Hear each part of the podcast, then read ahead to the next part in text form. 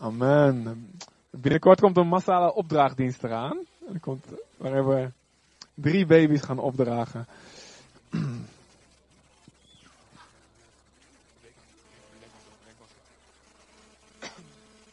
En hier nog mooie kinderen met een mooie, ja, ik vind dat hartstikke mooi. Ja, ja Elle ook en Amy, geweldig zeg. We hebben een uh, geweldige uh, avond gehad. Vrijdagavond. Hoe was dat mensen? Hoe was dat? Was dat mooi? Dat? Het is um, heel bijzonder. Als je niet geweest bent, um, nou, er is nog steeds kans dat je naar de hemel mag. maar je hebt wel wat gemist. Het is geweldig om uh, ook zo'n um, een soort familiegevoel met elkaar te hebben. Om daar af en toe wat, uh, wat tijd voor te nemen om met elkaar te vieren. En uh, het was super. het heerlijk eten ontzettend mooi voorbereid was. En er was heel veel uit de Perzische keuken. Dat is ook mooi waarin dat naar voren kwam. Geweldige mensen die aan het bedienen waren. Super organisatie.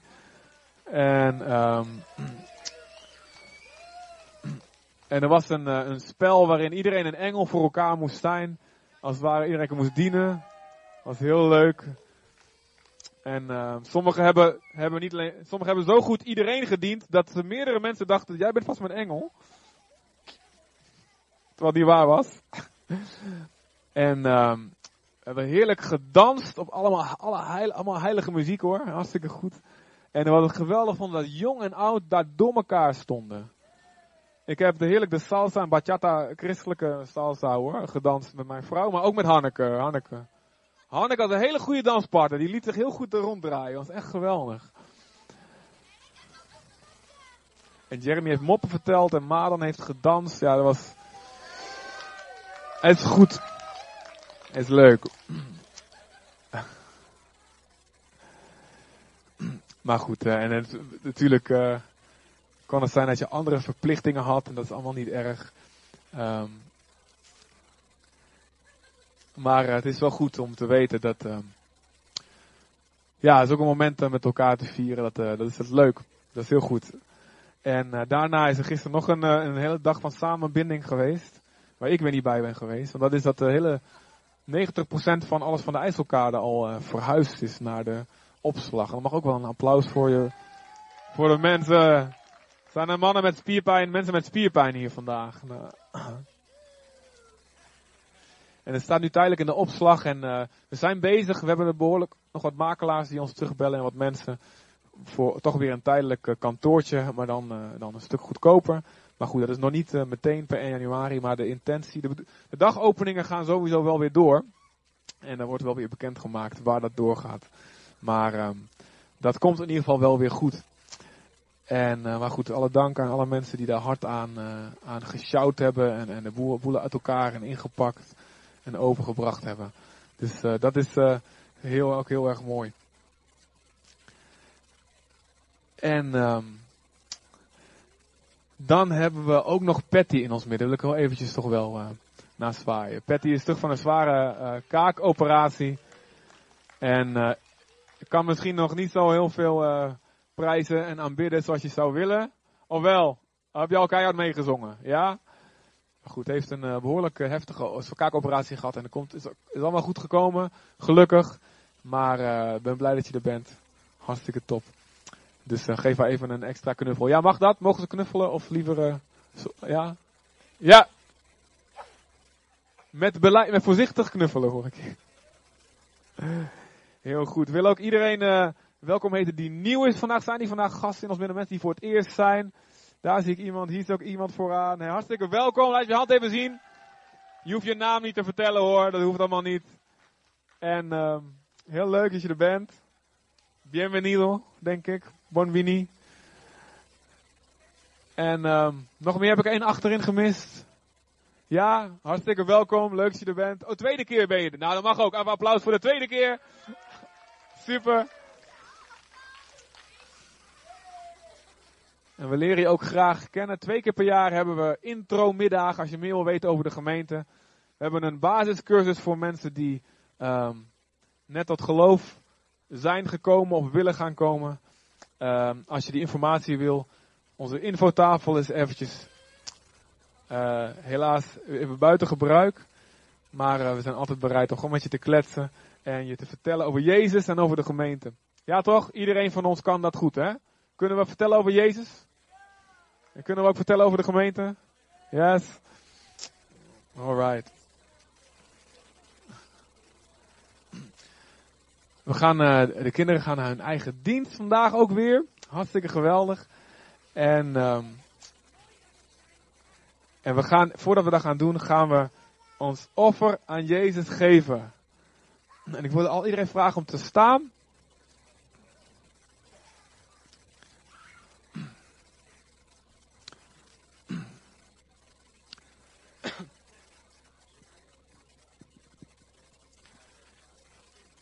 En dan gaan we bidden.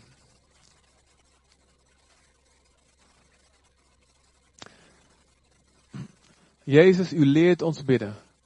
Geef ons heden ons dagelijks brood. En wij danken u dat u dat doet. We danken u dat als u ons een opdracht geeft om iets te bidden, dat het meteen een belofte is. Dat u het ook zal geven als we dat bidden. Want als u zegt een opdracht geven om te bidden, dat betekent ook dat het uw wil is. En als we iets bidden naar uw wil, dan verhoort u ons. Dat zegt u, Heer. Dus wij danken u dat u ons ons dagelijks brood geeft. We zijn daarvan van u afhankelijk. Heer, en uh, ook afgelopen jaren heeft u ons voorzien allemaal. En niet, met, niet, wat, niet altijd met wat we dachten dat we nodig hadden. Maar wel wat we echt nodig hadden. En zelfs meer dan dat. Op gebieden die we helemaal niet in het oog hadden. Dat het van belang waren voor ons leven.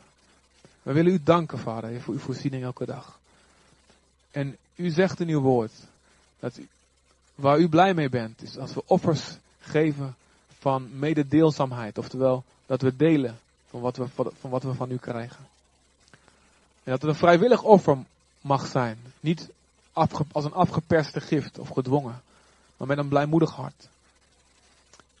En Heer, u weet dat ons hart niet altijd makkelijk afscheid kan nemen van geld. En dat u waarschuwt ons ook om niet in de greep te komen van mammon, een, een macht die achter dat geld zit. En u zegt zelf dat geldzucht de wortel is van allerlei soorten van kwaad. En Heer, wij willen dat u ons bevrijdt van elke vorm van hebzucht en elke vorm van angst en zorgen over geld. En dat u ons leert om zorgeloos te leven als de vogels. En vader, wij willen met z'n allen dat er zoveel overvloed is in uw huis. Ja, en één gebed wat u ook bidt is dat er een grote stroom van arbeiders zal komen om Gods oogst binnen te halen. Kostbare mensen die nu verloren gaan, maar die u wil redden. En u wil het doen door uw kerk heen. En daar is geld voor nodig. Daar is een groter gebouw voor nodig, heel snel aan, vader. Daar zijn meer mensen voor nodig die, die van hun werk wat, wat minder kunnen gaan werken in een andere baan en tijd kunnen geven om hier mensen te herderen en, en, en bedieningen en afdelingen te leiden. Heer, dus wij danken u voor uw voorziening. En wij vereren u, Heer, met het beste van wat we hebben. En dan is dat niet veel. U ziet het, Heer. En u waardeert alles wat we geven met een blijmoedig hart. En zelfs een penningje, al is het niet veel, op een rekenmachine. Ziet het, zijn het niet veel cijfers. Maar in uw ogen, als het, u weet hoe groot deel het van ons levensonderhoud is. U eert dat. En u kijkt naar wat we gooien in de offerkist, zien we in de tempel. En ik dank u wel dat u alles waardeert. U bent geweldig, Heer. We houden van u. En met liefde en met blijdschap, Heer, geven we u van onze overvloed die u ons geeft.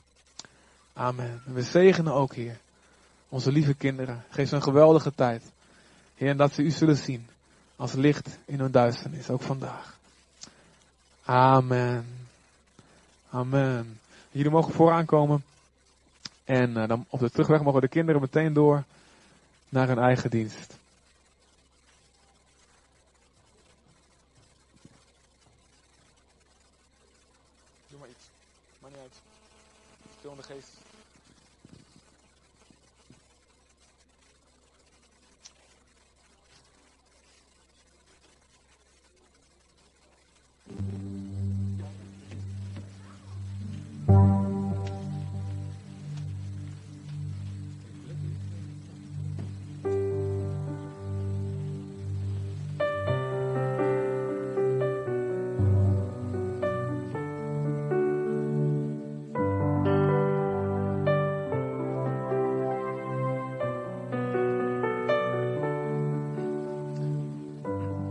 Op terugweg in die rij, als je terugloopt, bemoedig even onderweg iemand die je tegenkomt.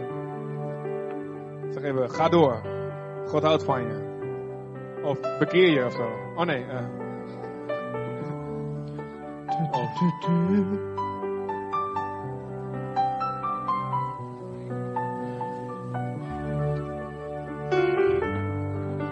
De kinderen mogen gaan naar hun eigen dienst. Heel veel plezier, lieverd. Is ook voor de baby's. Is ook weer opvang.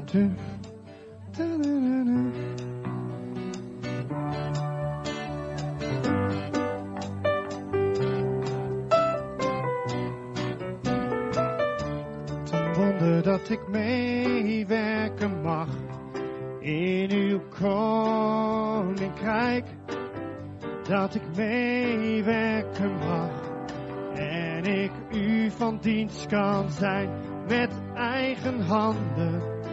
Zal ik werken aan uw recht. Ik dank u, Heer, en doe graag wat u mij zegt.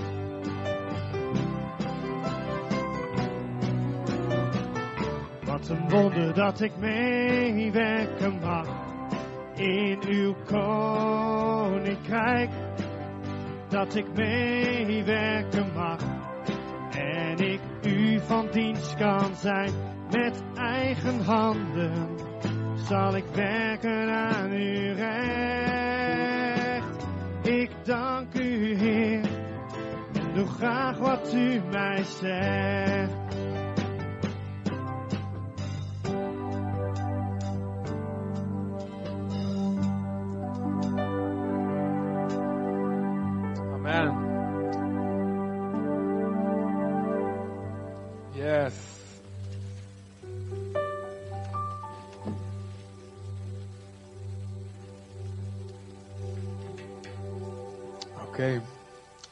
Dank u, Heer.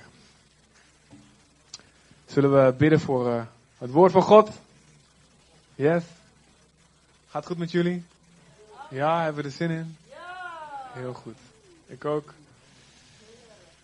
Heel goed, amen. Dat is goed, dat zijn leuke woorden. Ik hou van het woord. Honger, honger.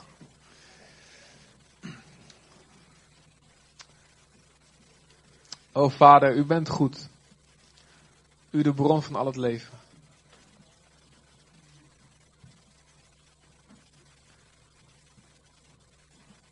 Dat we hier zitten is omdat we in u geloven. En al kwamen we eigenlijk om een andere reden en hebben we nu pas door, oh, dat is eigenlijk wel een goede reden. Dan kiezen we er om wat nu de reden te maken. Geloof dat u hier bent. Geloof dat u tot ons spreekt. En ook een nederig hart, Heer. We willen niet trots zijn en zeggen, we hebben uw woord niet nodig. We hebben aanbidding niet nodig. We hebben de gemeente niet nodig. We zien zoveel mensen tegenwoordig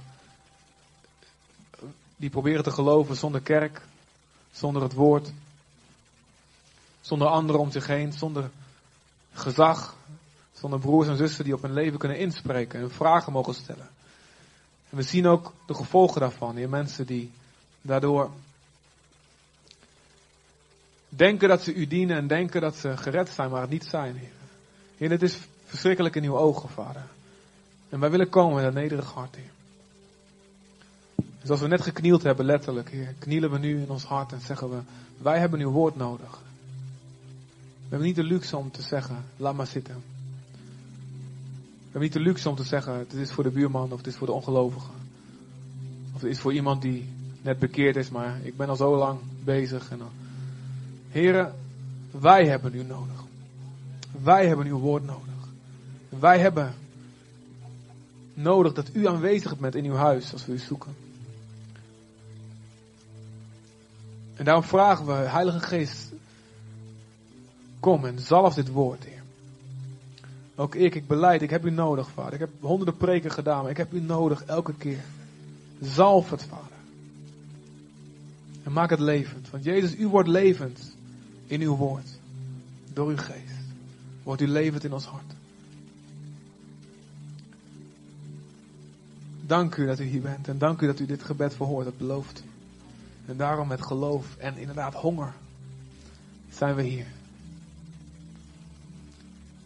In Jezus' naam. Amen. Amen. Amen. Ik vind het eigenlijk wel vet. Kun je niet de hele preek door blijven spelen? Moet u de hele preek door blijven spelen?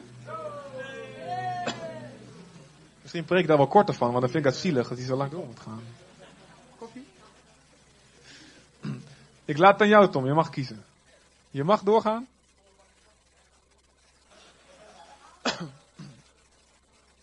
Weet je, van die... Ken je TD Jakes, weet je wel? Heb je ook zo'n orgel, zo'n. Af en toe. Als ik heel goed, heel goed ding zeg, dan in één keer. Ja, moet ik eigenlijk ook een drummer bij.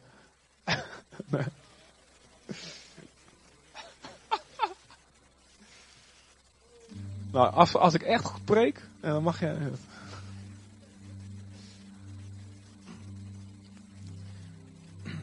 Eén ding wat ik wel zou willen doen, dat doen we eigenlijk nooit. En, en dat gaan we ook niet voortaan vanaf nu doen of zo hoor. Maar voor deze keer zou ik het wel willen doen.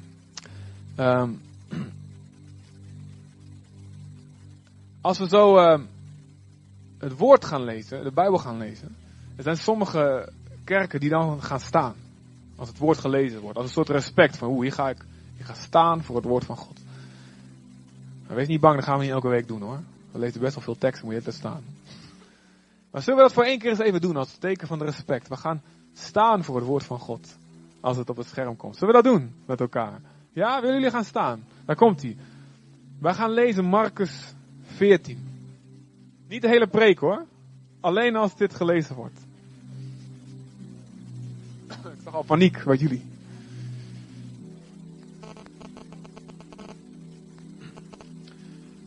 We gaan lezen Marcus 14. Vanaf vers 3 tot 9.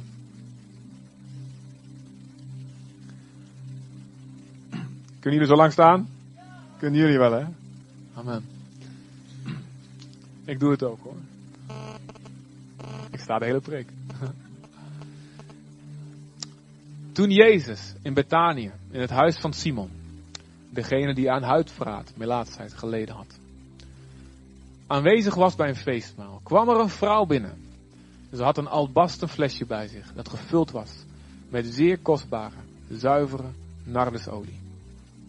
Ze brak het flesje en goot de olie uit over Jezus hoofd.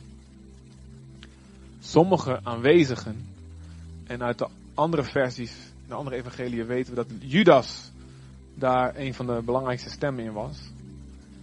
De verrader Judas. Sommige aanwezigen zeiden geërgerd tegen elkaar. Waar is deze verkwisting goed voor? Zullen we het even zeggen met elkaar? Waar is deze verkwisting goed voor? Die olie had immers voor meer dan 300 denari verkocht kunnen worden. En je moet weten dat een dagloon was één denari. Dus het staat voor een dagloon. Dus het zijn ongeveer bijna een jaar salaris. Dus wat zou dit zijn? 20.000? 25.000?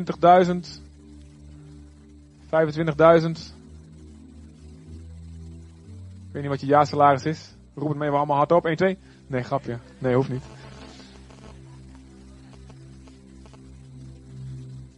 Die olie had immers voor bijna een jaar salaris verkocht kunnen worden. En dat geld hadden we, hadden we, oh wat vroom, aan de armen kunnen geven. En ze voeren tegen haar uit. In de HSV staat ze vielen scherp uit tegen haar. Maar Jezus zei, laat haar met rust. Waarom vallen jullie haar lastig? Ze heeft iets goeds voor mij gedaan. Want de armen zijn altijd bij jullie. Jullie kunnen wel daden aan hen bewijzen wanneer je maar wil. Maar ik zal niet altijd bij jullie zijn. Wat ze kon heeft ze gedaan. Ze heeft mijn lichaam nu al met olie gebalsemd met het oog op mijn begrafenis. Ik verzeker jullie waar ook maar ter wereld het goede nieuws verkondigd wordt, zoals bijvoorbeeld in Zutphen Gelderland, zal ter herinnering aan haar verteld worden wat zij heeft gedaan. Amen. Jullie mogen zitten, hebt het goed gedaan.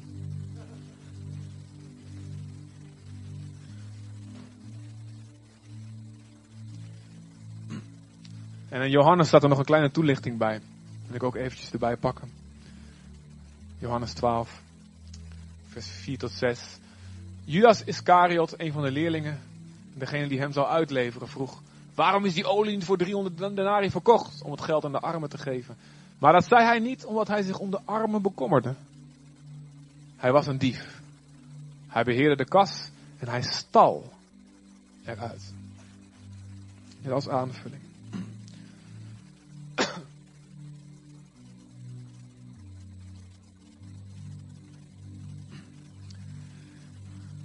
Hebben het gezongen, Jezus is jarig en, en uh, nou is hij niet echt jarig vandaag. Waarschijnlijk is het rond Pasen, rond, uh, meer rond Pasen eigenlijk, rond die tijd.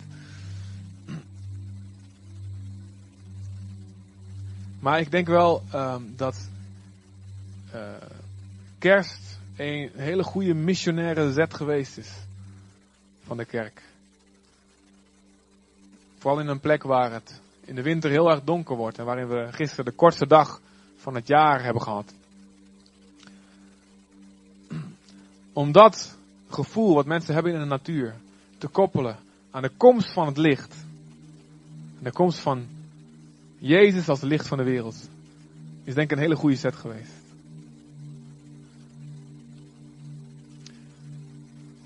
Maar het nadeel daarvan is dat sommige mensen, als je alleen daarbij blijft, dat je Jezus alleen gaat zien als een, een babytje, het kinderke Jezus. In een maxicosi of in een kribbe.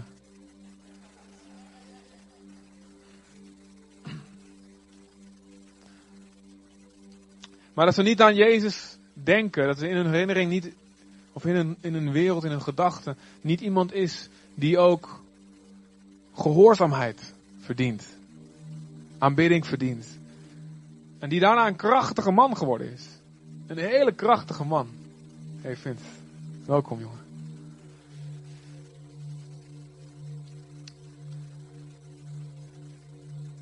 En een krachtige man geworden is.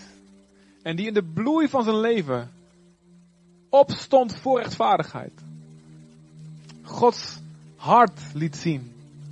Aan de armen, aan de verschoppelingen.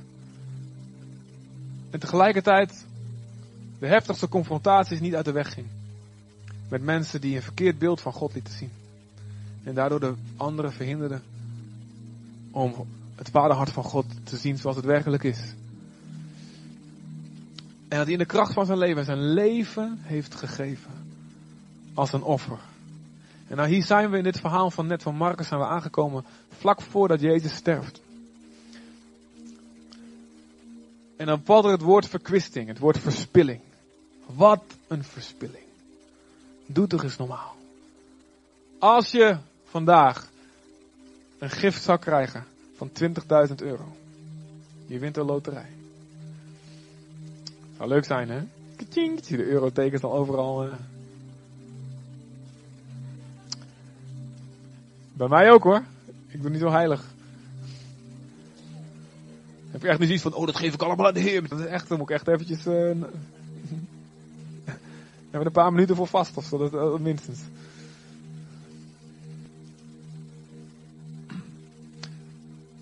Wat een verspilling, zegt iedereen. En wij, wij lezen dit nu, zoveel jaren later. Wij lezen het in de Bijbel staan. We zien meteen het commentaar van Jezus erbij. Dus voor ons is het heel makkelijk om haar te veroordelen. Om, eh, sorry, om deze discipelen te veroordelen. Vooral die Judas. Ja, die weet helemaal hoe je met, met Judas afloopt. Dat weten we helemaal. Ja, dat is heel makkelijk om te zeggen. Ah. Discipelen, discipelen. Nog veel te... Maar goed, dat ze nog leerlingen waren. Dan nog veel te leren inderdaad, weet je.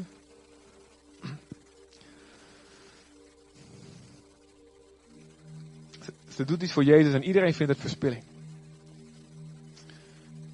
En in de Bijbel wordt nog vaker gesproken over verspilling. In Leviticus 1 bijvoorbeeld. Leviticus, uh, een belangrijk boek waarin de Joden leerden wat heilig en niet heilig was, rein en onrein was. En het eerste boek wat Joodse kinderen vaak uit hun hoofd leerden. Niet echt een boek wat wij vooraan in onze kinderbijbel zetten tegenwoordig. Maar het eerste offer wat daar genoemd wordt is het brandoffer. En dat was eigenlijk een heel raar offer. Want dan pak je, dan moest je uh, het beste nemen als je kudde. Dat was een vrijwillig offer, was niet verplicht. Andere offers waren verplicht bij bepaalde zonden, maar dit was een vrijwillig offer wat je vrijwillig kon brengen. En dan pak je een mannelijk dier en het moest een goed dier zijn, het mocht geen gebrek hebben.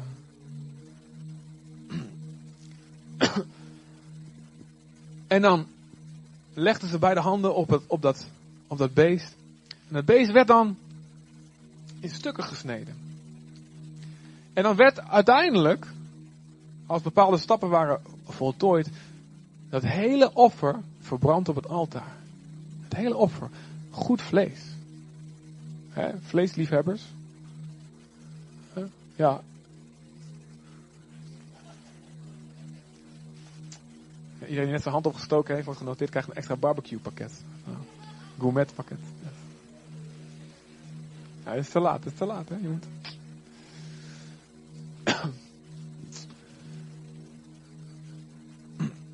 Maar zelfs zo'n gourmetpakket om wat in de fik te steken, ik weet niet hoe je daar gewoon laten verbranden.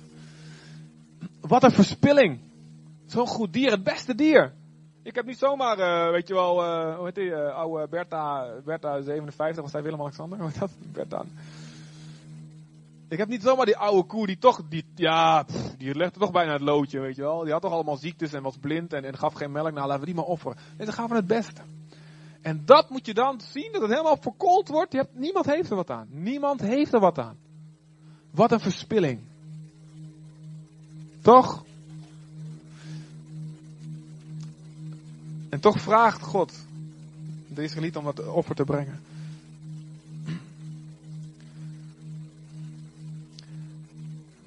Maar weet je wat de allergrootste verspilling in de geschiedenis is geweest? De beste, de beste man die ooit geleefd heeft. De man die God zelf was. Het heilige kind, de Messias de beloofde koning. Hij op wie de hoop van heel Israël gevestigd was. Hij die wonderen deed. Hij die God kende als geen ander en hem liet zien.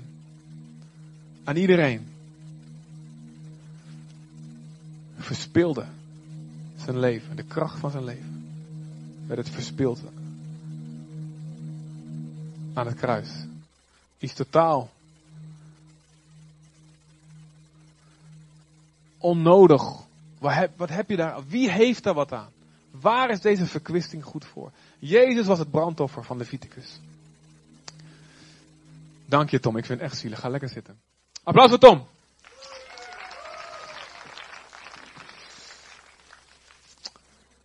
Als de rest van mijn preek iets minder zalf klinkt, dan weet je meteen wat.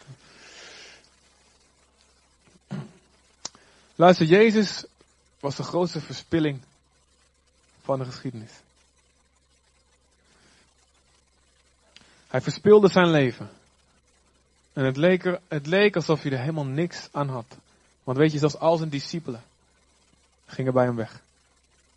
En hij was alleen daar aan het kruis. Wat een verspilling. Wat heb je eraan? Alle mensen die Hosanna riepen, ze waren nergens meer te bekennen. Alle mensen die genezen waren, die achter hem aanliepen, was niks meer van over. Hij Jezus had verloren. Wat een verspilling. Maar die verspilling werd uiteindelijk het offer waar God zijn wereldwijde plan, zijn eeuwig plan, door heeft bewerkt. Daardoor zitten wij hier nu. En daardoor zullen we niet alleen hier, hier zitten we niet alleen hier, maar over 22.000 jaar zullen wij zitten in een koninkrijk waar we onze ogen nog nooit hebben gezien, gehoord. Onze oren nog niks, niks van hebben gehoord. En wat in geen mensenhart is opgekomen. Om, door die verspilling van Jezus. Jezus verspilde wonderen. Hij genas tien laatste. En eentje kwam er maar terug. Om de dankbaarheid te betuigen. Ik ken, ik ken, ik, ik, ik heb gehoord van een wonder van iemand die, een kind, wat leed aan leukemie. En het werd vanuit Cuba, een gemeente die offerde, die bracht geld bij elkaar in Spanje. Ze brachten geld bij elkaar. Er zijn vrienden van ons die zaten in die gemeente. Om een, om een moeder met een kind vanuit Spanje te halen. En een kind leed een acute leukemie, kon nergens meer geholpen worden. En de, de gemeente ging bidden en vasten nadat ze dat ticket dus betaald hadden. En die, en, en die mensen waren niet gelovig. Of niet echt met, met de Heer levend. In naam katholiek. Maar ze deden niet echt wat mee. En na bidden en vasten genas dit kind wonderbaarlijk. Ongeneeslijk. Een groot, enorm wonder. En wat gebeurt er? Deze mensen zeggen, dank jullie wel, draaien zich om en zetten nooit meer een voet in de kerk. Kun je je voorstellen? Wat een verspilling van een wonder. Toch? Zo lijkt het. Het kind, ja goed. Misschien dat het later ooit wel iets wat gebeurt. Maar het lijkt op dat moment niks teweeg gebracht hebben. Maar die vriend van ons. Die was echt een antichrist van zie. En zijn vrouw zat in die kerk. En hij moest er niks van hebben. Maar toen hij dit zag. De liefde van een gemeente. Voor iemand die ze niet kende. En het wonder wat God deed. Kwam hij tot geloof. Nu is hij samen met zijn vrouw voorganger en prediker. In, in, in Londen. Wat een verspilling van een wonder. Nee toch. God bouwt zijn koninkrijk op verspilling. Goddelijke verspilling. Jezus verspilde. Zo lijkt het. Het ding wat ik niet snap. Jezus had drie, drie discipelen die heel dicht bij hem waren. Dicht bij hem leefden. Petrus. En de tweede was, misschien weet je dat, misschien de tweede was Johannes. En de derde was Jacobus. Maar, wacht eens even. Wacht even. Je hebt drie Jacobus in de Bijbel. Eentje was de halfbroer van Jezus. En die heeft de brief van Jacobus geschreven. Dus de zoon van Maria en Jozef. Halfbroer omdat ze had toch een andere vader. Jezus had niet Jozef als vader. Hm? Doordenkertje. Net als Judas trouwens. De brief van Judas is ook van een halfbroer van Jezus. Jacobus en Judas die de brief geschreven zijn allebei halfbroers van Jezus. Niet die Jacobus. Die hoorden niet bij de een. Want die Jacobus, de halfbroer van Jezus, hoorde nog bij de mensen die Jezus gingen bespotten. En samen met Maria kwam Jacobus en Judas en nog een paar kwamen ze om Jezus te halen. Want was, hij is gek geworden, zeiden ze. We komen je ophalen. We komen je gedwongen laten opnemen. En Jezus zei, ik kwam niet eens naar buiten. Hij zegt, de mensen die de wil van God doen, die zijn mijn echte moeder en mijn echte broers. Liet hij ze gewoon buiten staan. Niet die Jacobus. Ook niet de Jacobus die jarenlang de gemeente in Jeruzalem geleid heeft. Waar in handelingen over gesproken wordt. Dat was ook niet de Jacobus, dat was een ander. De Jacobus waar Jezus veel mee optrok, veel in investeerde. Was meteen in handelingen 12, was hij meteen dood. Dan denk je, als je toch een beetje strategisch bent. Als je iemand kiest om extra mee op te trekken, extra in te investeren. Dan kies je toch iemand die jarenlang nog een pilaar kan blijven. Petrus, snap ik. Hé, hey, snap ik. Johannes, heel logisch. Maar Jacobus, de broer van Johannes. Wat een verspilling. Is het niet een verspilling van intimiteit? Maar God denkt anders dan wij. Het lijkt alsof God soms zijn genade verspilt. Zoveel dingen geeft. Zegeningen.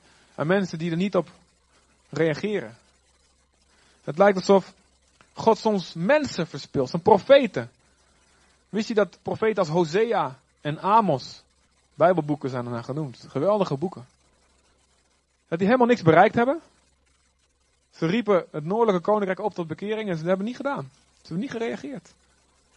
En tien jaar na Hosea was het, het hele volk weggevoerd in Assyrië. Is dat, wat een verspilling.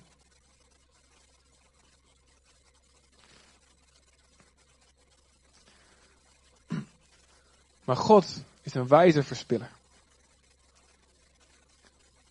En het bloed van Jezus op de grond vloeide. En ze zeggen nog wel eens dat ze stukken grond hebben teruggevonden aan het, aan het voet van het kruis. Met dan bloed erop en zo.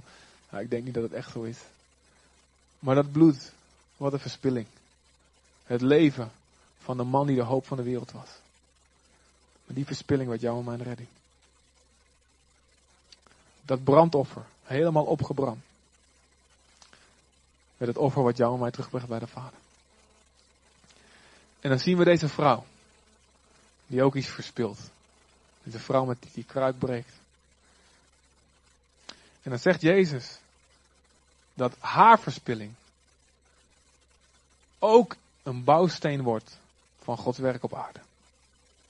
En daarmee zegt hij meteen tegen ons dat onze verspilling hetzelfde doet. En ik heb het niet over echte verspilling, maar verspilling wat je doet uit liefde voor Jezus. En als er misschien duizenden stemmen zijn die zeggen, doe niet zo dom. Misschien hele vrome religieuze stemmen. Die zeggen, daar had je veel betere dingen mee kunnen doen. Dan lees ik hier over Jezus die die stem bestraft.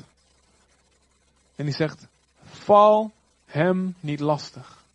Dit is iets uit geloof gedaan is, wat uit liefde gedaan is. En dit is iets wat eer, eervol is in mijn ogen. Romeinen 12, vers 1. Dan zegt Paulus, ik hoop dat het een bekende tekst is.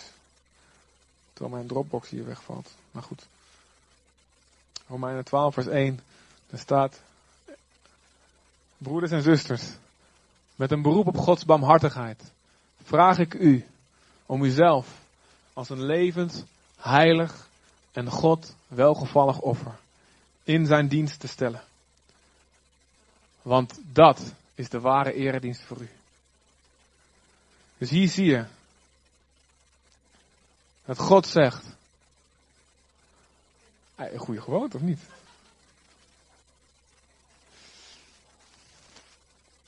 Ik heb er niks op tegen. Hier zie je dat God ons oproept om net als Jezus een brandoffer werd. Het lijkt verspilling. Om zo ook ons leven te geven. Vrijwillig. Om vrijwillig te zeggen. Ik wil mijn kostbare leven. Mijn kostbare tijd. Mijn kostbare energie. Wat ik heel goed voor andere dingen kan gebruiken. Ik wil het geven. Ik wil het, zo lijkt het in de ogen van de wereld, verspillen. Terwijl anderen zeggen, doe niet zo extreem. Doe niet zo radicaal. Doe niet zo fundamentalistisch. Doe maar wat rustiger aan. Is dit geen godsdienstwaanzin? Dit is toch niet verstandig? Maar jij weet, dit is mijn liefde voor Jezus. Dit is mijn liefde voor Jezus. En dan zegt Jezus, val hem, val haar niet lastig. Deze goede daad zal tot in lengte van dagen herinnerd en besproken worden. Niet alleen haar daden, ook onze daden. Zullen tot in de eeuwigheid herinnerd en besproken worden, wist je dat? Onze daden, onze daden die we het liefste doen voor Jezus. Ik weet nog zoveel momenten in mijn leven. Ik ben iemand die doelgericht is van, van nature. En, en voordat ik Jezus leerde kennen, een van de dingen die me heel erg depressief kon maken, was de gedachte dat ik geen doel had in mijn leven. Dat ik niet wist waarvoor ik leefde.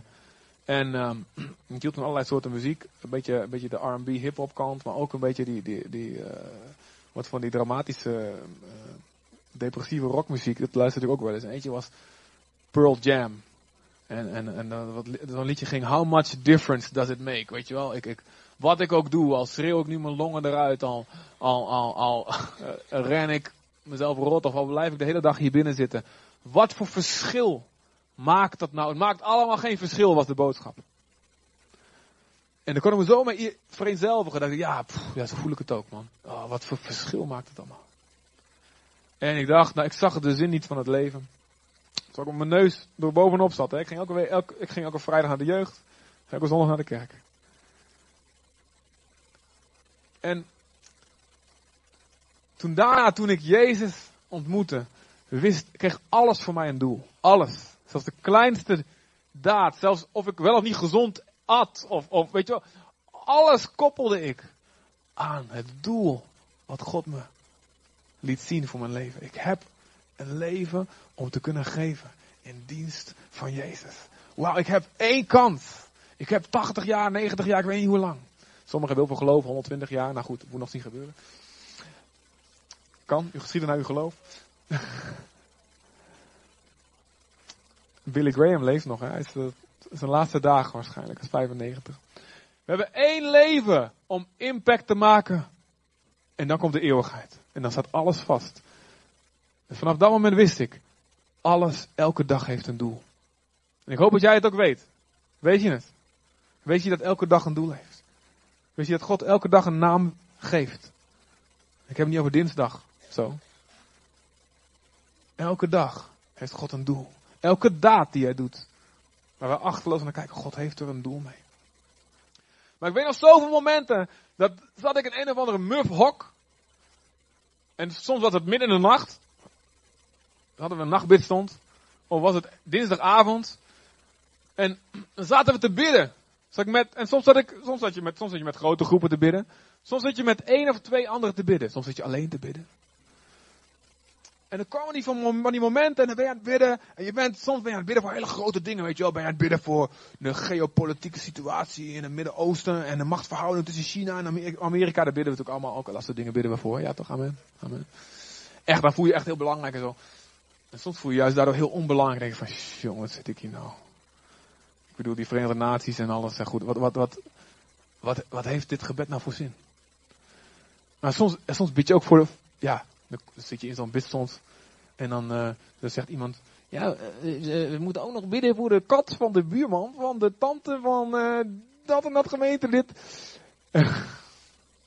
nou goed, ik geloof niet per se over in al dat soort gebeden. Dat we dat allemaal, maar goed, voor de kat misschien wel. Maar dan zit, zat ik dan met mijn doelgerichte hoofd. En denk ik van ja. En soms zit je daar dan, dan zit je zo'n muf hok. En dan buiten rijden allemaal auto's langs. En dan lijkt buiten het leven zo belangrijk. En jij zit daar een beetje. Te verspillen. En zoveel van die gedachten had, ik zit hier een beetje mijn tijd te verspillen. En even zoveel keren kwam de Heilige Geest dan. En hij spreekt tot me. Zegt, dit is een plek waar ik graag ben. En naar buiten, waar alles lijkt te gebeuren. Daar niet. Hier. Ook al zit je in je eentje, ook al zit je met drie heiligen in een mufhok te bidden. Dit is verspilling van je tijd waar ik mijn koninkrijk op bouw. En ik weet nog een van de dingen die ik ook moest leren. Want ik moest leren optrekken met mensen die niet mijn type waren. En, en voor mijn bekering had ik er heel veel moeite mee. Ik koos mensen uit, dit, dit, dit en dat. Die is goed voor mijn reputatie. Die vind ik leuk. Daar kan ik mee lachen. En de rest. En God leerde me met mensen op te trekken van een hele andere leeftijd. Die veel ouder waren dan ik. Of die in veel. Uh, ik, ben, ik ben een wat uh, flap uit, uh, meer, meer extraverte type. En je hebt, ik moest leren optrekken met introverte type. En zonder ze te veroordelen ook nog. Weet je wel, dat was ook nog moeilijk voor mij. Ik moest leren optrekken met mensen die um, een hele andere gaven, hele andere talenten hadden. Die hele andere levensverhalen hadden. En weet je, als ik geen liefde voor Jezus had gehad, had ik gezegd, wat een verspilling van mijn tijd. Wat heb ik daaraan? Ik heb er zelf, ik, ik, ik krijg er niks voor terug. Maar Jezus leerde mij te verspillen. En nog steeds. En hij leert jou en mij, hij leert ons onze tijd te verspillen aan elkaar. Want dat zijn offers waar hij zijn werk in de wereld opbouwt. Amen. Om te gaan naar oude en zieke mensen. En als je heel, heel erg doelgericht bent, en zo heb ik nooit gedacht, moet ik zeggen hoor, eerlijk zijn. Als je heel erg extreem denkt, denk je van, jongen, jongen, joh, daar heb je daar, deze, die gaat bijna dood, weet je wel, wat heb je daar nou aan om die nou bij? Dan krijg je er niks van ja. Dat is een verspilling waar God zijn koninkrijk op bouwt. Hoe we met stervenden omgaan. Hoe we met ouderen, met zwakkeren, met zieken omgaan. Terwijl je misschien in jouw gedachten heel wat belangrijker dingen te doen hebt. Zegt Jezus, maar nu ben je, doordat je die ouderen, die zwakkeren, die ziekeren bezoekt, ben je op bezoek bij mij.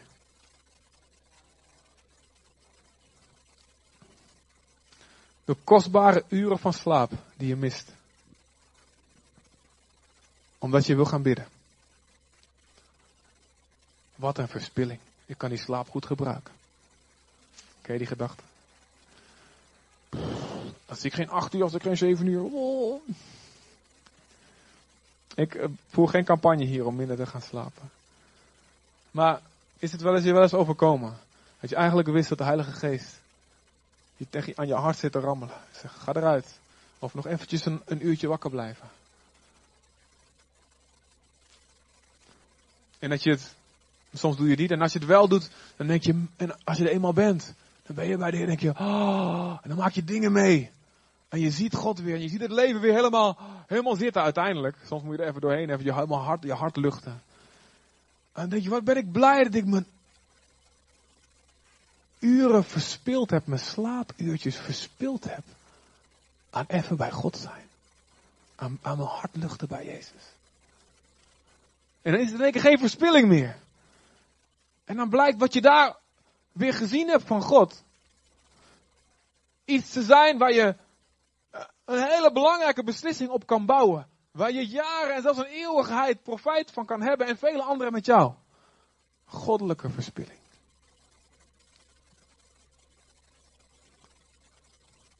Kostbaar, zuur verdiend geld wat je weggeeft. Aan een gemeente, aan een bediening of aan iemand. Hé, hey, en misschien is die iemand er helemaal niet dankbaar voor geweest. Pizza's, wat je nou? Ja, als je over eten praat, dan let ik op. Zo rond 12 uur. Maar God houdt van verspilling. Die gebeurt vanuit liefde voor zijn naam. Een lied wat je voor hem zingt. Wat niemand ooit hoort. Alleen hij. Een dans die jij doet. Zodat iemand je er een applaus voor geeft. Alleen hij. Een goede daad die je doet. Je linkerhand weet niet wat je rechterhand doet. Je geeft het in het verborgene. Niemand dankt je ervoor. Dienen. En niemand valt het op en iedereen heeft het voor lief. Er zijn voor je gezin geen dankbaarheid voor terugkrijgen. Zoals je het zou willen. Er zijn voor mensen die het niet herkennen. Maar God zegt het is geen verspilling. Het is geen verspilling. Een gift of een inspanning waar je nooit voor wordt bedankt. Voorbeden. Je bidt voor iemand. Maar je vertelt het nooit iemand. Je vertelt die persoon het nooit. Soms is het goed om te vertellen. Dan bemoedig je, bemoedig je iemand mee. Dan mag je best. Het is niet dat je nooit het hoeft nooit mag zeggen of zo. Soms is het belangrijk. Hey, je moet weten dat ik voor je bid. Dat is prima. moet je doen. Maar soms niet. Maar soms is je hart van een fariseer. Die wil graag die beloning. Dat die ander weet dat je voor ze, voor ze bidt. En dat je daardoor geëerd wordt in hun ogen. En, dat je... en dan wil God juist dat je er niks van zegt. En ik heb een voorstel. Laten we eens een besluit maken. Om wat radicaler wat dingen te gaan verspillen voor Jezus. Wie heeft daar zin in? Nou, zin is misschien een verkeerd woord, want daar, daar moet je altijd even doorheen. Maar laten we geïnspireerd raken door de grote verspiller Jezus. Geef je hem je beste, of geef je wat je over hebt. Malachi 1 vers 8 staat, als jullie met een blind offerdier aankomen, zeggen jullie, oh wat geeft dat nu? Ook als jullie met een kreupel op een ziek dier aankomen, zeggen jullie, dat geeft toch niets? Bied de gouverneur zo'n dier maar eens aan en zie of hij er tevreden mee is en jullie goed gezind zal blijven, zegt de Heer van de hemelse machten.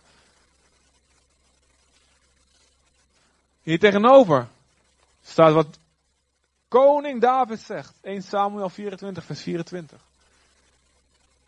Zegt God hem, voor de zonde die hij gepleegd heeft, bouw een altaar. En ik zal de zonde verzoenen en de plaag die onder het volk begonnen is, zal ik doen ophouden. En dan moet hij op een bepaald stuk grond, wat later de grond van de tempel zal gaan worden. Een heel bijzonder verhaal zit eraan. Moet hij kopen. En dan zegt die eigenaar van die grond, oh koning, wilt u wel gratis geven?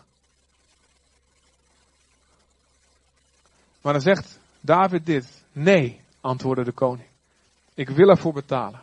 Ik ga niet de Heer, mijn God, een brandoffer brengen dat me niets heeft gekocht. En daarop kocht, daarop kocht David de dorsvloer en de runderen voor 50 shekel zilver.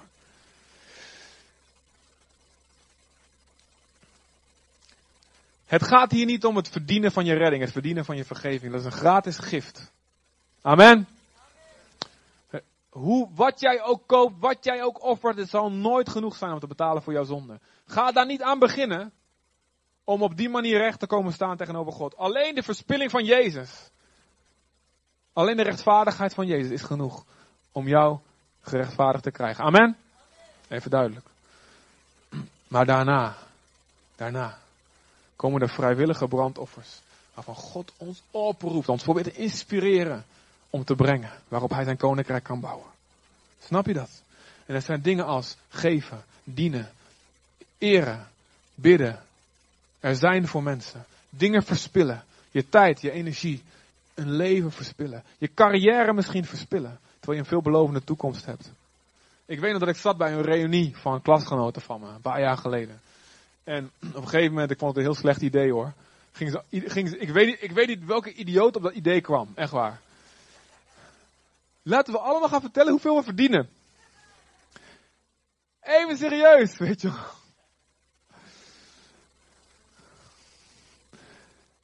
En daar werd, werd ik niet blij van.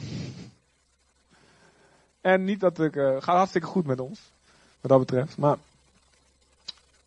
um, ik werd, ik, daar hoorde een paar, en eentje die werkte er bij de Shell, en eentje die werkte er bij de, dat ministerie, en allemaal die schreef de speeches voor de minister. En,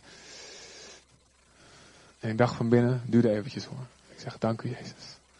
Ik heb de grootste, grootste beloning. Maar luister, als je dat niet, als je laat meeslepen in de gedachten van de discipelen, waar heb je die, is die wat voor verspilling? Je had je leven voor dit kunnen gebruiken, je had zoveel kunnen verdienen. Je had zo'n invloed kunnen hebben, je had zoveel eer kunnen krijgen daar. Wat ben je aan het doen? Niemand ziet jou, niemand eert jou, niemand. Wat krijg je ervoor terug? En het kost geloof om te verspillen. Geef God de olie, de kostbare olie van je beste aanbidding. En weet je wat gebeurt er dan? Dan krijg je een Judas en zijn maatjes. Die gaan zitten zeuren. Oh, wat heb je daar aan? Doe niet zo dom. Dit is het. Dan had je voor heel iets anders kunnen gebruiken. Denk aan dit en hele mooie praatjes eromheen.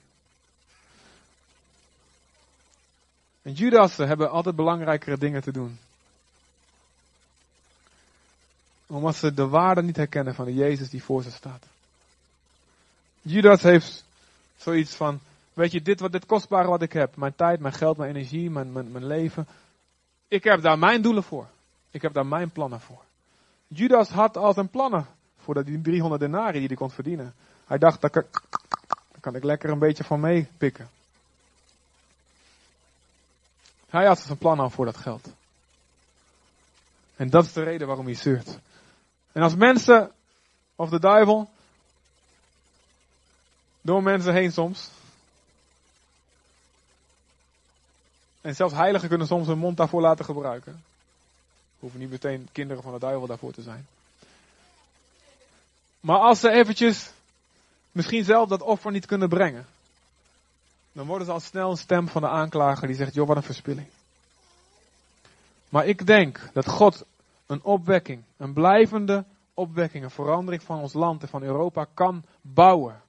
Als er mensen zijn die zeggen, ik geef Jezus mijn beste jaren. Ik wacht niet tot ik eerst mijn eigen plannen heb vervuld. En mijn huis heb gebouwd en mijn doelen heb bereikt. En dan, als ik wat over heb, geef ik nog even een kreupel of ziek dier wat ik kan missen. Ik geloof dat God zijn koninkrijk kan bouwen met grote kracht. Tot, tot de redding van miljoenen mensen, ook hier in Nederland. Als er een kerk opstaat die zegt, ik geef Jezus mijn beste. Ik verspil mijn tijd. Ik verspil de beste uren op mijn dag. Ik verspil mijn beste talenten. hey, ik verspil, vrijgezelle mensen, ik verspil mijn seksleven, waar de hele wereld over schreeuwt dat ik er recht op heb. Wat een verspilling, al die mensen in een klooster.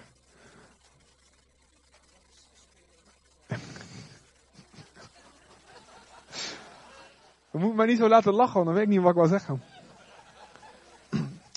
Dus ga ik eventjes drie punten terug. Bedankt Anne. En dan krijg je als je over seks begint in de kerk, dan word je afgeleid. Maar vrijgezellen, misschien is die gedachte wel eens in je kop gekomen. Als ik nou geen seks heb, wat een verspilling. Je hoofd, sorry. Wees gezegend. God tegen je hoofd. Misschien is dat wel eens in je hoofd gekomen. Hé, hey, dit zijn de jaren waarin ik. Ik zie de wereld en ik zie al die romantische comedies en ik zie ze allemaal. Oh, dit zijn de tijden die je kan gebruiken. Je kan met iedereen slapen. Je kan dit en dat. Je kan allemaal dingen beleven. Voordat het jaren komen dat je vastzit aan een gezin en oh, helemaal het huwelijke gevangenis. Weet je, dat is de boodschap die je soms hoort. Verbreek die leugen in Jezus' naam. Maar je denkt, oh, ik mis wat. Wat een verspilling. Verspilling van mijn libido. Dat geen vies woord, toch? Amen. Maar dat zijn offers waar Jezus een koninkrijk opbouwt. Op jouw reinheid, op je zuiverheid, op je heiligheid, op je maagdelijkheid. Op jouw apart gezet zijn. Je radicaal apart gezet zijn voor Jezus. Wat een verspilling. Om die tv-programma te missen, om een voetbalwedstrijd te missen. Als jij weet, God heeft mij nodig. God heeft een vers God, als ik deze verspilling doe, volg ik Jezus. En bouwt hij zijn koninkrijk erop. Zal het geen verspilling blijken te zijn. Niks is te veel gevraagd voor hem die alles gaf. Amen.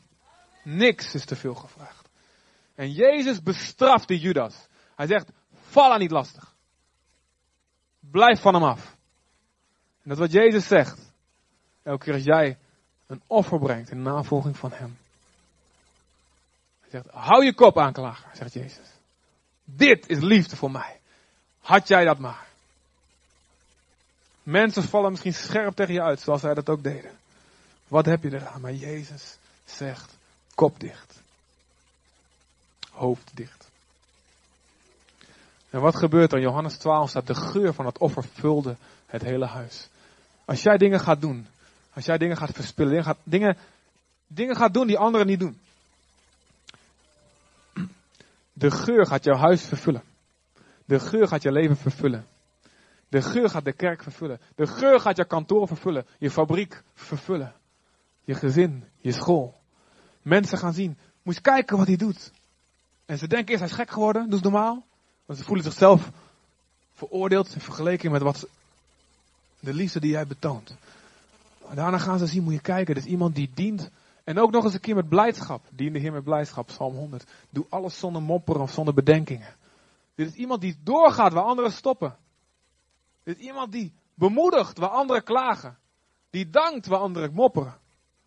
Dit is niet normaal en die geur gaat het huis vervullen. En sommigen vinden die geur irritant en denken, oh wat een stank. Maar anderen denken, wauw, dit is dit offer. En het wordt een geur van Jezus. In Lucas 17, vers 7 tot 10, dat zegt Jezus een heel radicaal stukje. En het is voor mij zo confronterend nog steeds. Maar het is perfect. Het is perfect. Het houdt, dit stukje houdt mijn houding naar God zo, zo, zo goed. Zo gezond. Als iemand van jullie een knecht zou hebben die ploegt op de kudde waait. Dan zal hij, wanneer hij thuis komt van het land, toch niet tegen hem zeggen, ga we meteen aan tafel. Zal hij niet veel eerder tegen hem zeggen, maak iets te eten voor me klaar. Doe je gordel om en bedien me terwijl ik eet en drink. En daarna kun je zelf eten en drinken. Hij bedankt de knecht toch niet om wat hij gedaan heeft, wat hem is opgedragen. Hetzelfde geldt voor jullie. Wanneer jullie als alles gedaan hebben wat jullie is opgedragen, zeg dan, wij zijn maar knechten. We hebben enkel onze plicht gedaan. Wat is dit nou? Jezus beloont toch? Jezus bedankt toch? Jezus eert toch mensen die. Ja, dat staat er ook. Daar komen we zo als laatste zo een tekst hierover tegen. Maar dit is voor ons. Voor onze houding. Dat wij niet gaan staan op een beloning. Niet gaan eisen. En nu moet ik bedankt worden. Dit houdt je hart gezond. Het is niet meer dan normaal dat ik de boel verspil. Dat ik dit offer breng. Het is niet meer dan normaal dat ik een gebedsleven opbouw om mijn God te leren kennen. Het is niet meer dan normaal dat ik dien in een gemeente. Het is niet meer dan normaal dat ik geef aan de armen. Dat ik geef aan Gods werk. Het is niet meer dan normaal dat ik mensen opzoek. Dat ik genade geef, dat ik vergeef mensen die het niet verdienen. Dat ik doorga met mensen die het niet verdienen. Dat ik trouw ben aan mensen die mij niet trouw zijn. Het is niet meer dan normaal. Als God zoveel voor mij gedaan heeft. Als God zoveel genade aan mij gegeven heeft, dan is het niet meer dan normaal. Dat ik het doorgeef. Want ik verdiende het ook niet. Hij verspilde het ook voor mij. Dus ik ga verspillen voor hem. En dan wordt je houding een houding van blijdschap. En kun je door blijven dienen en geven en danken waar anderen stoppen. Want je houding is gezond. Snap je dat? Dit stukje. Plak hem op je raam, op je deur. Mephibozet, de zoon van Jonathan, werd, werd, hem, werd aan de koning, tafel van de koning uitgenodigd. En dan zei hij, ik hoef helemaal geen land, ik hoef niks meer te hebben. Voor die David heeft zoveel voor mij gedaan. Hij stond niet meer op zijn rechten. Jonathan, zoon van Saul, ook al was hij de kroonprins, hij herkende iemand op wiens hand God was. En hij zei, weet je, ik sta mijn positie af. Ik hou er niet aan vast. En ik ga David dienen. Paulus, ik verdien een salaris. Maar om zwakke en veroordelende mensen in Korinthe te winnen, liet hij zijn rechter op los. Verspilling. God beloont. Hebreeën 6, vers 10 tot 12. Want God is niet zo onrechtvaardig dat hij vergeet wat u hebt gedaan. Let op mensen. Als die stem komt, wat is het waard? Wat heb je eraan? Niemand ziet het. Het wordt niet gezien. God is niet onrechtvaardig. Hij vergeet wat u hebt gedaan. Hoeveel liefde u aan zijn naam hebt betoond. Door sinds jaar en dag steun te verlenen aan de gelovigen. Het is onze vurige wens dat ieder van u tot het einde toe, hoe lang? Zolang het goed voelt. Zolang mensen je bedanken. Zolang je gezien wordt. Nee. Tot het einde toe. Dezezelfde ijver aan de dag blijft leggen. Totdat alles waarop wij hopen verwezenlijk zal zijn. En dat u niet achterblijft, maar in het spoor treedt van hen die dankzij hun standvastig geloof ontvangen hebben wat hun beloofd was. God beloont, hij vergeet geen enkele verspilling. In dit leven onverwachte resultaten. En in het toekomende een eeuwige beloning. Amen. Laten we radicale dingen gaan verspillen voor Jezus. Zullen we staan met elkaar? Dit is de kerstboodschap.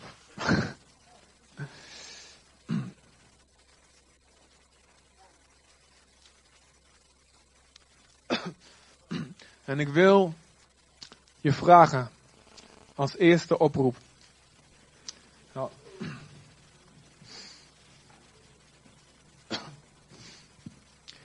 En dan wil ik je vragen, heel bewust wil ik je vragen om naar voren te komen lopen. Niet, om voor je, niet dat het voor je gebeden gaat worden deze keer. Het is ook niet verboden. Als je gebed wil, mag, het altijd, mag je dat daarna aangeven. Maar alleen als een stap naar de Heer toe. Dus deze keer niet om zelf voor gebeden te worden. Maar een stap om letterlijk uit je rijen te komen. Om in het openbaar te zeggen: Ik wil dit gaan doen. Het is geen heilige gelofte of zo. Dat je bang hoeft te zijn als ik hem breek of zo, dan krijg ik een bliksem op mijn kop. Dat, niet op die manier bedoel ik het. En voor jezelf, dat je een stap zet. En ik weet dat dit eigenlijk voor iedereen geldt. Er is één offer wat heel kostbaar is voor God. Een verspilling van tijd. En het is een verspilling van tijd om te bidden. En wat voor tijd van de dag. Hé, hey, ik geloof dat het goed is om je beste uren die je hebt aan God te geven. Als dat s'avonds is, is dat s'avonds. Als het ochtends is, is dat ochtends. Als dat je lunchpauze is, is dat je lunchpauze. Ik heb een tijd dat gedaan. Maar ik wil je vragen, naar God toe. Als jij wil zeggen, ja, Heer, ik wil reageren. En ik wil tijd en misschien slaapuurtjes. Of half uurtjes gaan verspillen. Om God beter te leren kennen. Om zelf sterk te worden. Om het woord te leren kennen. Niet alleen afhankelijk te zijn van anderen die mij het woord vertellen, wat geweldig is. Maar ook zelf een bron te worden. Daar heb je een gebedsleven voor nodig. Daar heb je nodig dat je in het woord duikt. Als jij zegt, ik wil vandaag, kerst, bijna kerst, 2013, daarop reageren. Dan wil ik je vragen, gewoon uit de rij te stappen. En hier vooraan te komen staan. mag in elk van de drie gangpaden komen te staan. Maakt niet uit, wordt ook niet voor je gebeden. Het is gewoon puur een stap naar God toe. Als jij zegt, dat wil ik doen. Ik wil tijd gaan verspillen. Met Jezus. Oh, dat had ik niet verwacht, dat het zo druk zou worden. Maar niet uit.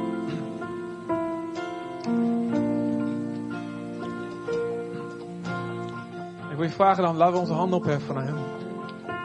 Jezus. U die alles verspeelde. U die alles verspeelde. U die alles verkwiste.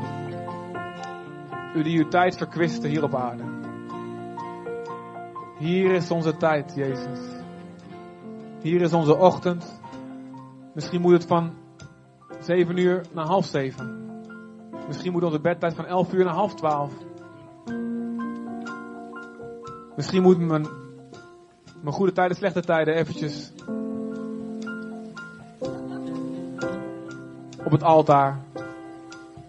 Of mijn Voice of Holland, of weet ik veel wat voor ding. Maar hier is mijn oprechte hart. Heer, ik, ik, ik weet dat ik mijn belofte niet kan houden, überhaupt niet. Dus het, we gaan het niet zitten beloven op die manier, Heer. Dat, kan niet zonder uw hulp. Maar hier is mijn oprechte intentie en een besluit. Maak ons hart standvastig, Heer. En ik laat ons een volwassen gemeente zijn, Vader. Waarin iedereen een leven heeft in de binnenkamer met u. Waarin iedereen uw stem al verstaat voor dat deel wat u bestemd heeft om alleen te verstaan. Er is een deel van uw stem dat we alleen maar samen kunnen verstaan. En ook daar willen we ons aan toewijden. Maar hier is onze tijd, vader. Dan wil je vragen, zeg het even in je eigen woorden als je hier staat. Zeg het in je eigen woorden. Zeg, Heer, hier is mijn tijd. Misschien kun je al een tijd noemen op een dag. Gewoon een, in, of zeg, hier is een, ik, ik wil een half uur. Ik wil een half uur geven. Wil een uur geven, een kwartier geven. Als het jouw pennetje van de weduwe is, is het goed. Maar die verspilling gaat God zijn koninkrijk opbouwen. Gaat God je openbaring geven. Gaat God je sleutels geven. Gaat God je beslissingen geven. Wijsheid geven die je anders niet gehad zou hebben. Gaat God jou een bron, een voorraadschuur maken voor anderen. Zodat je niet alleen maar hoeft te lenen, maar je het jezelf kan gaan uitlenen aan anderen. Jezelf kan geven. Zodat je niet alleen maar woorden hoeft te ontvangen, maar je woorden kunt doorgeven. Jezus, dank u Vader. Geef ons een standvastig hart om dit te doen. Morgen, als de muziek weg is, als het samen zijn weg is. En ook, u kent onze goede voornemens. Onze liefde is als een ochtendmist die verdwijnt zoals de, zodra de zon verschijnt. Maar door uw geest kunnen we standvastig zijn. Help ons, help ons, help ons. Door uw geest. Dank u Jezus. En de Heer zalft je met zijn geest. Als je dit gebeden hebt, je hebt, we hebben dit, je hebt dit allemaal gebeden met een oprecht hart. Ik zie dat zo in jullie lieve hoofden. Hou zoveel van jullie als ik naar jullie kijk. Jullie zijn echt geweldig. God is, ziet jullie oprechte harten. Hij zal je die geest geven. Een standvastige geest. Geef een vaste geest in mij. Hij zal het geven. En vader, we willen ook, zo uw geest ons leidt, andere verspilling brengen. Misschien een verspilling van een vrije dag door u te gaan dienen in een team in een gemeente. Of door iets te doen, iets nieuws op te pakken. Een alpha cursus te starten. Evangelisatie. Schoonmaken bij mensen die het nodig hebben. Op bezoek gaan bij mensen die het nodig hebben. Iets vroeger op zondag komen. Wat voor offer dan ook. Vader, ik bid dat u spreekt tot ons. En geef ons, geef ons. Dat we altijd uw verspilling aan ons zullen blijven zien. Zodat we ons hart in de fik zal staan.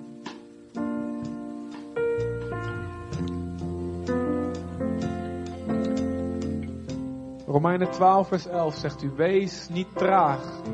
Dat God tegen je zegt, mensen. Het is God persoonlijk tegen jou spreekt. Wees niet traag wat jouw inzet betreft.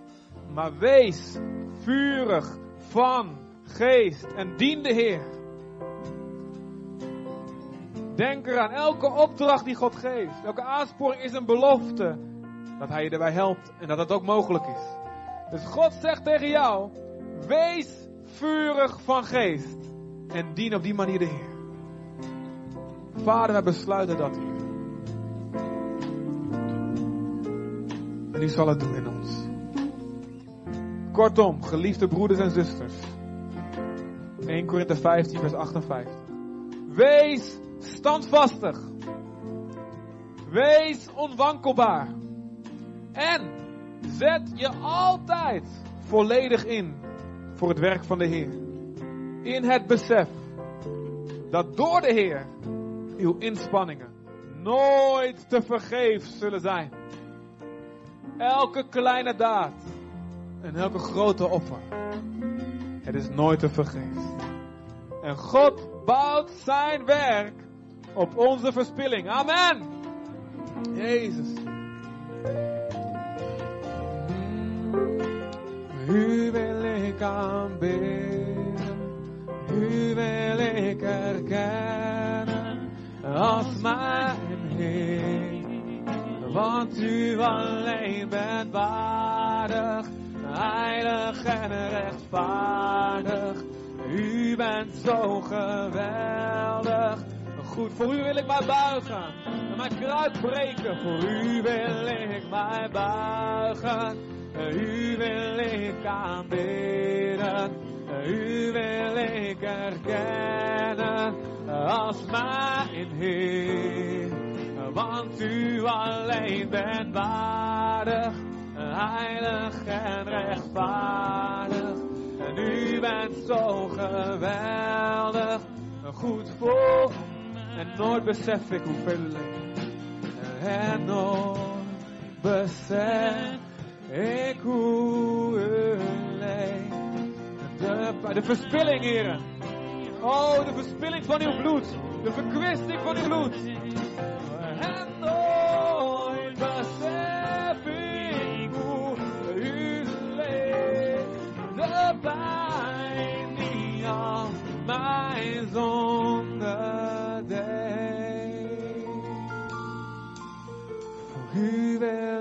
Mij buigen. U wil ik aanbidden. U wil ik erkennen als mijn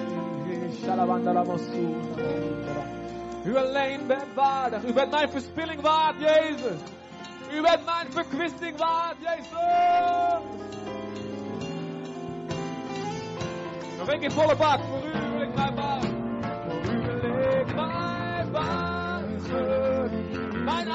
Aan u verspillen. Mijn lied aan u verspillen.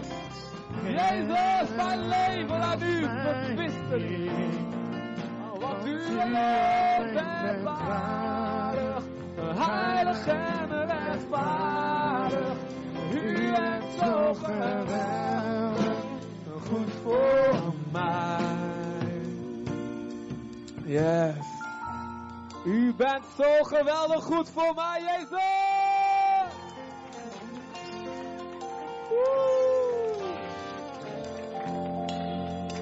Alright.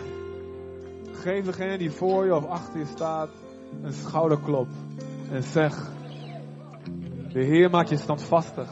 Je ver- een standvastige verspiller. Je zal een volhardende verspiller zijn voor Jezus. volhardende verspiller voor Jezus. Kom op.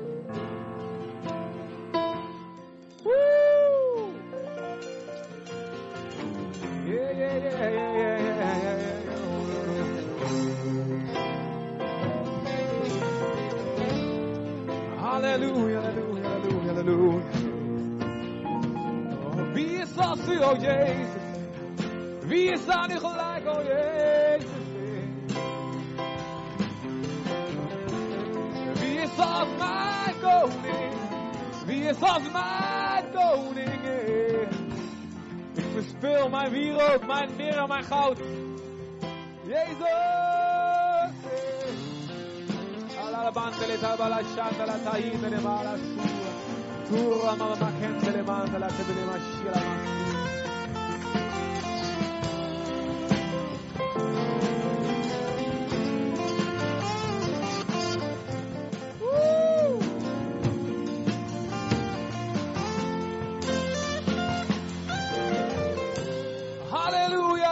Halleluja, halleluja, Jezus. Laat ieder volk u prijzen. Laat ieder mens u eren. Oh Jezus, laat elke mond en alles wat adem heeft, de Heere loven.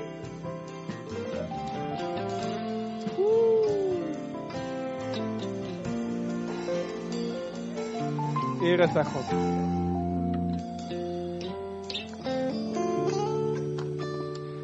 Oké gemeente, aan het eind van deze dienst zullen we gaan staan. Dan gaan we het ere zij God zingen. Een mooie, ook ja, iets wat traditionele afsluiting van de dienst. Uh, in heel veel kerken over de hele, heel Nederland wordt dit nummer gezongen. En het uh, is ook goed om ons onderdeel te voelen van de kerk van alle eeuwen. Zullen we gaan staan, dan gaan we het ere zij God zingen met z'n allen.